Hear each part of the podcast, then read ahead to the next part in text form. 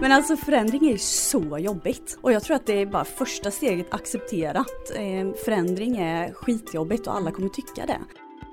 Jag drivs extremt mycket av utveckling och det kan vara utveckling av människor, av mig själv, men framförallt av verksamheter. Ett labb med eh, kreatörer, eh, studenter som kommer in och rockar runt lite grann. Det tror jag skulle vara medicinen. Hej och varmt välkommen till ett nytt avsnitt av Framtidskraft. Jag heter Anna Franzén Starin och jag är trend och omvärldsanalytiker.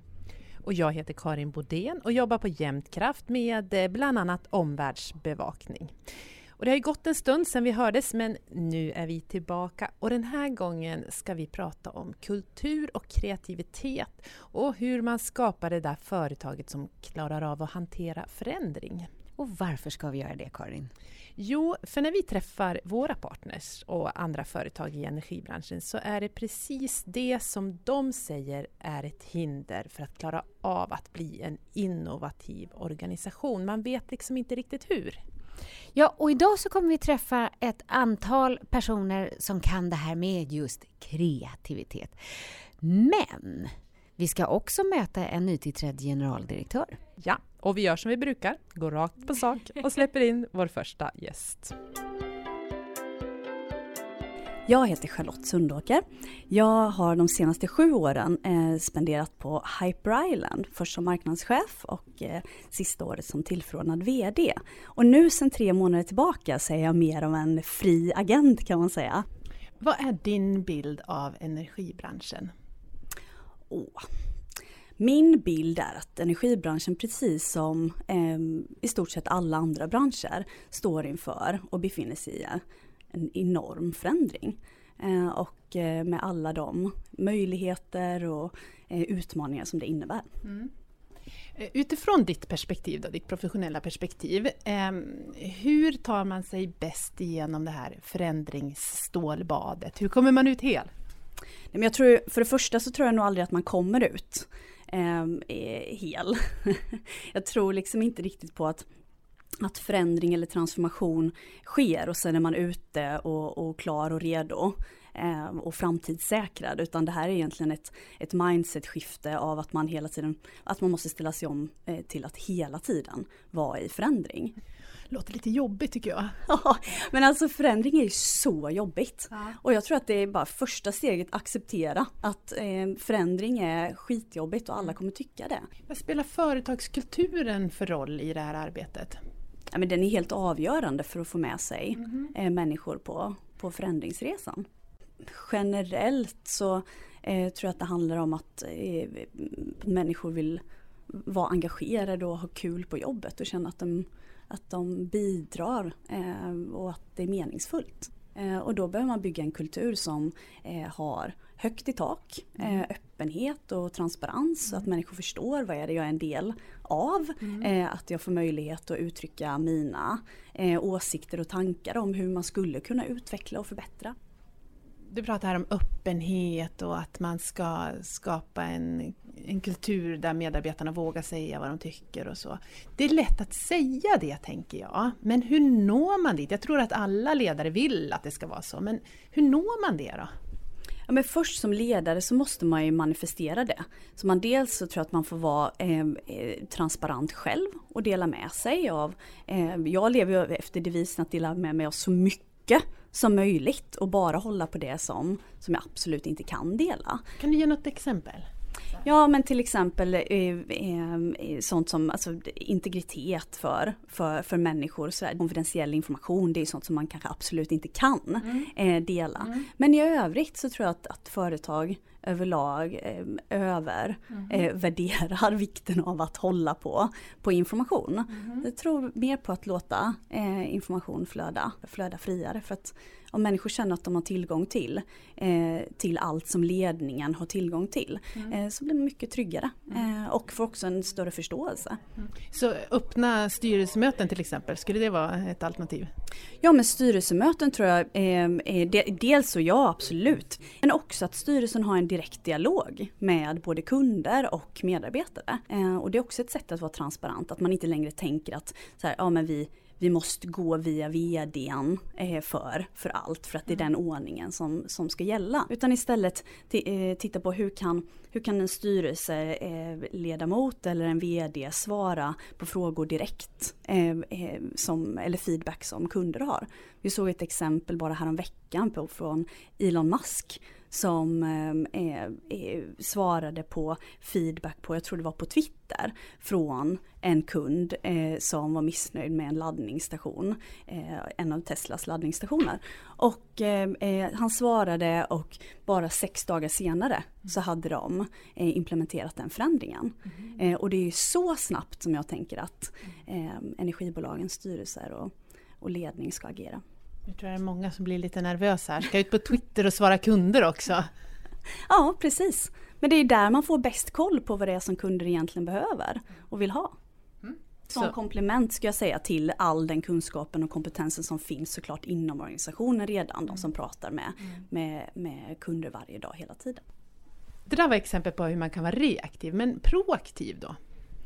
Jo men då tror jag att för att eh, vara proaktiv det tror jag handlar mer om att, att titta på, okej okay, vad, vad finns det för ny spännande eh, teknik som, eh, och tjänster i andra branscher som eh, vi skulle kunna ja. Eh, eh, använda för att innovera ett klassiskt skulle kunna vara, men om vi skulle eh, göra en energibolagens Uber mm. till exempel, hur skulle det se ut? Eller om vi skulle göra en, en Pokémon Go fast för eh, energibolagen, hur skulle det se ut? Eller om vi skulle använda augmented reality eh, som Pokémon Go är, ehm, eh, som teknik, hur skulle vi kunna bygga tjänster och, och utveckla eh, värde till våra kunder? Och eh, också titta på sådär, hur, hur ser det vi har ut eh, för möjlighet för andra att, eh, att eh, få ökat värde av? Till exempel, vad har vi för kompetens, för infrastruktur, för tjänster som är superbra mm. idag som vi skulle kunna hjälpa andra mm. företag med? Eller hur skulle vi kunna gå in i andra branscher med det? Du har ju själv eh, som på din VD-post på Hyper Island eh, jobbat med ett stort förändringsarbete. Vilka erfarenheter tar du med dig därifrån? Jag tar med mig erfarenheten av, av eh, eh, att just det som, som jag sa om, om kommunikation. Eh, jag öppnade upp väldigt mycket eh, eh kommunikation och, och, regelbunden information om. Men ge något exempel, konkretisera, vad var det för någonting? Jo men till exempel så eh, så skapade jag en eh, VD, ett VD-brev som var möjligt att eh, kommentera fritt i och öppet i. Så som ett Google Docs. Så att jag fick direkt feedback i, mm. i det VD-brevet. En eh, annan sak för, som eh, var väldigt lyckat var ju att inte ha ett eget rum utan sitta tillsammans med Eh, alla medarbetare. Då får man alltid höra det, det senaste. Eh, man hör om det är en, eh, en kund som har särskilda behov eller som är kritisk till något eller har frågor om något. Man hör om tankar om affärsutveckling, man hör om välmående på, på jobbet. Man hör otroligt mycket. Men får man någonting gjort då om man sitter där mitt bland alla medarbetare? Ja, får ju gå undan om man, om man känner att man behöver sitta själv. Om du fick möjligheten att ställa en fråga eller rikta en uppmaning direkt in till energibolagens nästa styrelsemöte, hur skulle den låta då? Jo men den, den skulle eh, låta som hur mycket dialog, direktdialog har ni i styrelsen med kunden? Hur mycket vet ni om, om kundens behov eh, och kundens, eh, om egentligen kundens upplevelse eh, och vad kunden önskar att den utvecklas till? Tack så mycket Charlotte Sundåker för att du var med i Energipodden Framtidskraft. Tusen tack, kul att vara med. Det där var ett kreativt samtal med Charlotte Sundåker. Mm, det, det, är, och det låter ju så lätt när hon pratar om det här, men det är ju uppenbarligen inte. Vad möter du, Anna, när du är ute och träffar företag som försöker ta sig an den här digitala transformationen? Det jag upplever är att den digitala transformationen hos de flesta företag ser väldigt olika ut, för alla företag har olika förutsättningar att transformeras. Och till exempel så tänker jag att det viktigaste som man tänker på, och där man behöver kreativitet, är ju att inte bara digitalisera sina befintliga processer och befintliga system, utan att på riktigt transformeras. Vad, vad, är, vad ligger skillnaden? Jo, men tänk så här, vad hade du fått göra om du fick förbättra och göra mycket bättre och utan att tänka på hur jag gjort tidigare. Ett jättebra exempel var när jag lyssnade på IT-direktören från Kalmar läns landsting. Där man, när man skulle digitalisera patientjournalerna i processen kom fram till att inte bara digitalisera dem och ha någon som skriver för hand in i en dator hur de här patientjournalerna ska se ut. Utan att istället koppla upp patienten och koppla upp dem så, så att man kan mäta patientens allmäntillstånd. Och hela tiden så gick den här informationen rakt in i en dator och landade i en patientjournal. Vilket ledde till att man effektiviserade, förbättrade så mycket så man istället kunde anställa betydligt fler i restaurangen som hade tid att möta patienterna, laga mat, vilket gjorde att de kunde också vinna Sveriges bästa sjukhusmatsal. Herregud vilket förbättringsarbete! Det är förbättring och det är digital transformation. Ah. Eh, vi har fått en ny generaldirektör. Och jag vet precis vem du menar. Ska vi lyssna till henne? Gärna. Jag heter Ulla Sandborg och jag är nytillträdd generaldirektör på Svenska kraftnät. Vad ger dig kraft och energi? Jag drivs extremt mycket av utveckling och det kan vara utveckling av människor, av mig själv, men framförallt av verksamheter. Och därför tycker jag att jag har kommit på ett extremt bra jobb där det krävs väldigt mycket utveckling framöver. Så jag är jätteglad för det här utnämnandet jag fått av regeringen. Vilken, enligt dig, vilken är den viktigaste frågan rörande Sveriges energiförsörjning i framtiden? Det är att vi ställer om fullständigt, att ha eh, förnybart istället för fossilproduktion, eh, det vill säga mindre stabil produktion i elnätet. Och hur vi alla möter detta och hur det ska se ut framöver. Mm. Vi ser ingen minskad förbrukning egentligen på de närmaste åren. Men sen är det också en timingfråga som jag ser som väldigt, väldigt viktig. När kommer det här? När blir det riktigt utmanande? Det vill säga, när stänger kärnkraften och när har vi skiftat över till ett förnybart system? Mm. Och hur arbetar ni där för att möta det? Vi jobbar ju väldigt mycket med utveckling. Vi jobbar förstås inom Europa med standardisering. Det är mycket som måste komma fram och ska fungera. Samtidigt som det finns ett regelverk som växer fram för att ta hand om det här inom hela Europa och där är vi väldigt aktiva från Svenska kraftnät. Och många aktörer också från Sverige. Mm. Om man skulle bryta ner det, där tror jag att det är många av oss som inte har koll på vad som händer på den nivån. Hur ser du, hur skulle det regelverket från Europa påverka energibolagen, nätbolagen här i Sverige? De bestämmer i ganska stor detalj hur vi ska interagera tillsammans här på elmarknaden. Mm. Hur det ska se ut, var planering ska ske, vem som tar vilka beslut, hur börserna ska jobba. Elbörserna får konkurrens nu i de olika länderna, så har det inte varit tidigare. Så det är en väldig nyhet att flera börser finns inne på samma marknad. Mm. Det får ju konsekvenser för de som ska handla. Och det kommer komma nya produkter från dem och nya sätt att jobba på. Så det är ständig förbättring eller förnyelse. Man får välja vad man vill använda för ord där. Förnyelse är det definitivt. Vilken blir den största eh, utmaningen, om jag vänder på det igen, när eh, andelen eh, mindre producenter ökar?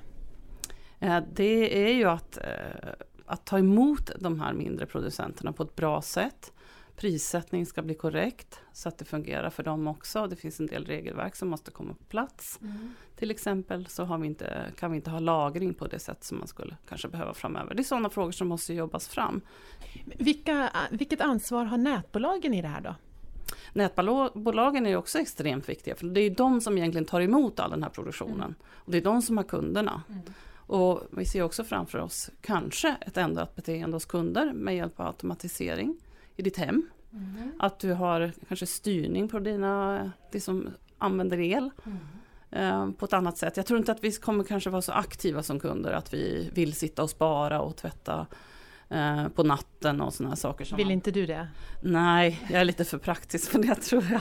Jag har inte lust att sitta och, och vänta på att jag ska trycka på tvättmaskinen. Och, även om man kan ha timers och sådana saker så tror jag att saker och ting behöver vara enklare för. Måste, det här måste göras enkelt för att vi konsumenter ska vara, kunna bidra. Hur ser din egen energiförsörjning ut om tio år? Om du får drömma fritt. Jag tror definitivt att jag har en egen produktion ute på landet. Kan jag till och med ha en pool kanske som jag värmer upp med den då. Ehm, och sen när jag bor i lägenheten så tror jag att jag har smarta maskiner. Eh, jag har någon leverantör som hjälper mig med det här och får ner mina kostnader och att jag bidrar till systemet. Det hoppas jag definitivt att jag gör. Jag kör säkert en elbil också. Tänkte väl det. Eh, om du får möjligheten att ställa en fråga eller rikta en uppmaning till ett energibolags nästa styrelsemöte.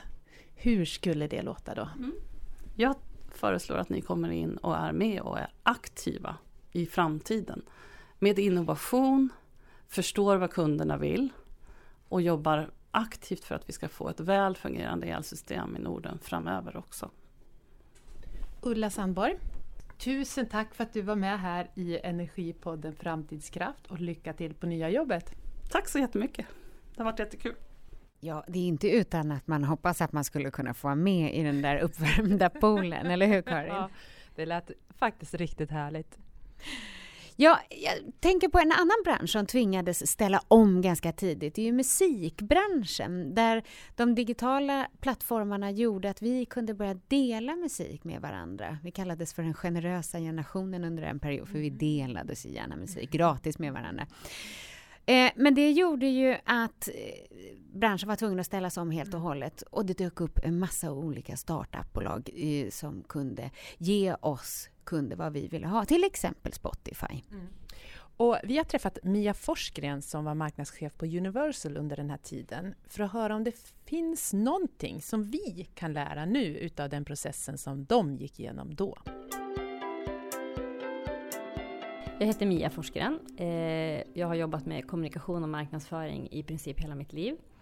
Eh, extremt präglad av eh, den digitalisering som vi, alla befinner oss i, men som i synnerhet slog igenom kan man väl säga i mitten på 2000-talet. Eh, 2005 och framåt i princip. Då jobbade du i musikbranschen. Och kan du berätta lite kort, vad var det som hände där? Det var någon vattendelare 2008. 20, det stämmer. 2008 var ju verkligen året då allting gick längst ner i musikbranschen. Man tappade affären som sådan. Eh, Sverige var det mest piratiserade landet i hela världen faktiskt. Eh, nu påverkades ju musikbranschen på ett globalt perspektiv. För vi konsumenter valde att eh, lyssna på musik på andra sätt än att köpa CD-skivor. Så 2008 blev verkligen vändningen. Men det var också en, en positiv, ett positivt år. Därför att det var faktiskt då som Spotify lanserades och kom upp på banan ordentligt. Och det var också så att vi fick en lagstiftning i EU som heter IPRED-lagen. Som betyder att det är förbjudet att dela filer på nätet. Men alltså, du jobbade då för Universal, var det det? Och, och du tycker att det var positivt att Spotify kom? Kan, jag förstår inte. Det är precis det här som jag tror digitaliseringen handlar om i mångt och mycket. Att det är, det är ju en tjänsteutveckling, en uppfinning faktiskt, som gör att andra branscher kan haka på. Eh, vi är bra på olika saker. Spotify uppfanns av tre snillrika personer i en källare, ungefär som det brukar göra med de här digitala specialtjänsterna. Eh, och musikbranschen såg en möjlighet att faktiskt utveckla sin affär. Och så blev det. Eh, så tack vare den uppfinningen så, så kunde hela branschen faktiskt överleva och tjäna mer pengar än någonsin. Men om vi backar lite då. För ni, innan så var er affärsmodell att ni sålde CD-skivor och, Åhléns tror jag var er största återförsäljare. Var man så här eh, positiv allihopa då när Spotify lanserade sin tjänst? Absolut inte. Det var ju stor skepsis. Men det man gjorde var ändå att man hade någon form av mod som gjorde att vi, vi satsade lite pengar i det här bolaget, i den här startupen som det faktiskt var. Och såg väl någon form av potentiell möjlighet i att, att det kanske skulle kunna vara någonting. Men vi hade ju en hel organisation som jobbade med fysisk försäljning, med CD-skivor. Vi hade fabriker, vi hade produktion. Det är klart att det, det, alltså, fanns mycket skepsis, mycket farhågor. Men samtidigt så var vi i det läget att Vi var tvungna att göra någonting. Ni hade inget val? Hade inget val heller, så det var ju lite påtryckningskanalen så att säga. Ja. Andra framgångsfaktorer då, tror du, när du tittar tillbaka? Vad var det som gjorde att ni ändå lyckades att anpassa er? När vi väl fick distributionskanalen igen då, genom Spotify kan man väl ändå säga, för det gick ganska fort att, att dels skapa användare men också börja tjäna pengar igen. Eh, då var vi tvungna att se över vår organisation. Vad hade vi för typ av kompetenser? Mm. Eh, det var ju inte självklart. Eh, så vi rekryterade in studenter från KTH och Handels. Vi skapade ett labb eh, där vi tog in eh, unga, nya förmågor faktiskt, som hjälpte oss att hitta vägen att kommunicera, marknadsföra oss. Eh, de byggde alla våra sociala kanaler och så vidare. Eh, men också andra saker. Vi skapade system för att kunna hantera avräkningar på royalties som man då har som artist till exempel. Mm. Eh, så det ställdes ju, allting ställdes eh, till sin spets. Och vi var tvungna att se över allting. Hela affärsmodellen, som tidigare var ganska eh, mycket förskott, mycket fakturering, ganska korta cykler så att säga. Mycket pengar på liten tid. Blev ju att vi tjänade några få, få, få ören per lyssnad stream på Spotify. Mm. Under en väldigt mycket längre tid. Så det var ju en, en total omställning skulle jag vilja påstå. Eh, om vi tittar på energibranschen eh, och eh, jämför då med den resa som ni gjorde, skulle man kunna applicera det här på energibranschen tror du? Jag tror i princip helt och hållet. Och, inte bara energibranschen, men om vi pratar om just den då så tror jag att det är det handlar om tillgänglighet. Och, och, det handlar om att vara relevant för, för de kundgrupper man har eller intressenter på olika sätt. Eh, och, och då, då kan man titta på musikbranschen helt och hållet skulle jag vilja påstå. För det, det kommer tillbaka till vad har vi för kompetenser som jobbar med den här typen av utveckling? Hur ser våra tjänster ut? Mm. Hur tillgängliga är vi? Kan man på en fredagkväll faktiskt gå in och signa på ett elavtal? Måste man kunna det tror du? Det tror jag. Det tror jag kommer vara helt avgörande i framtiden. Vi, vi väljer ju själva när vi har tid att göra saker idag. Eh, vi gör det kanske inte mellan åtta och fem på dagarna utan vi gör det när vi, när vi helst har tiden så att säga. Mm. Så det tror jag absolut. Tillgänglighet är A och. Men om du tittar på den resa som ni gjorde, vad hade ni kunnat göra annorlunda? Det jag... Eh, ja, annorlunda. Vi hade kanske framförallt hela branschen agerat mycket tidigare. Eh, vi satt ju ganska trygga i baksätet på bilen och kände att vi ägde vår egen affär. Vi såg inte signalerna komma där i början på 2000-talet när det började gå ner faktiskt. Utan vi trodde att det löser sig. Mm. Som man kanske ofta gör för man ser inte liksom faran komma. Så det hade, vi hade kunnat agera mycket tidigare. Om du då var VD på ett energibolag, vad skulle du göra imorgon på kontoret för att anpassa dig till det här som kommer? Jag skulle starta mitt egna labb. Jag skulle ta in eh, studenter, praktikanter, eh, alliera mig med universiteten. Eh, ge dem i uppdrag att hjälpa till att både affärsutveckla men också titta på de här möjligheterna som faktiskt energibranschen har idag skulle jag vilja säga. Det är sån het potatis och jag tror man kan skaffa sig ganska starka ambassadörer som, som driver det här. Så att ett labb med kreatörer, studenter som kommer in och rockar runt lite grann. Det tror jag skulle vara medicinen. Tusen tack Mia Forsgren. Tack själv. Vet du vad Karin, när jag hört våra tre gäster så kommer jag att tänka på det här med kreativitet. Att det, det kräver ju ganska mycket och de flesta företag behöver förhålla sig till kreativitet och kanske lära sig kreativitet. Och jag känner hur jag nästan tjatar om det här, men det finns ett sätt att göra det på bra och det handlar om samarbeten. Att hitta folk personer, andra företag, andra konstellationer med olika bakgrund, olika typer att kreera tillsammans med. Det blir så oerhört mycket bättre. Och genialt det Mia säger, varför inte bjuda in unga till att vara med och samarbeta eller skapa som om de hade gjort ett labb. Mm. Mm. Det, är, det här ett plus ett är tre.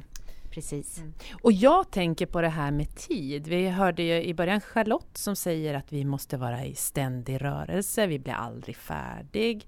Mia hon pratade om det här vikten av reaktionsförmåga, att man måste vara snabb på bollen och uthållig. Jag bara, Åh, går det här ihop? Nej, alltså det ställs väldigt höga krav på företag idag. Så enkelt är det. Vi hoppas att vår podd Framtidskraft är en hjälp på vägen. Det är i alla fall vår intention. Och därför så vill jag passa på att tacka dig som har lyssnat på oss idag. Vi hörs snart. Hej då! Hej då!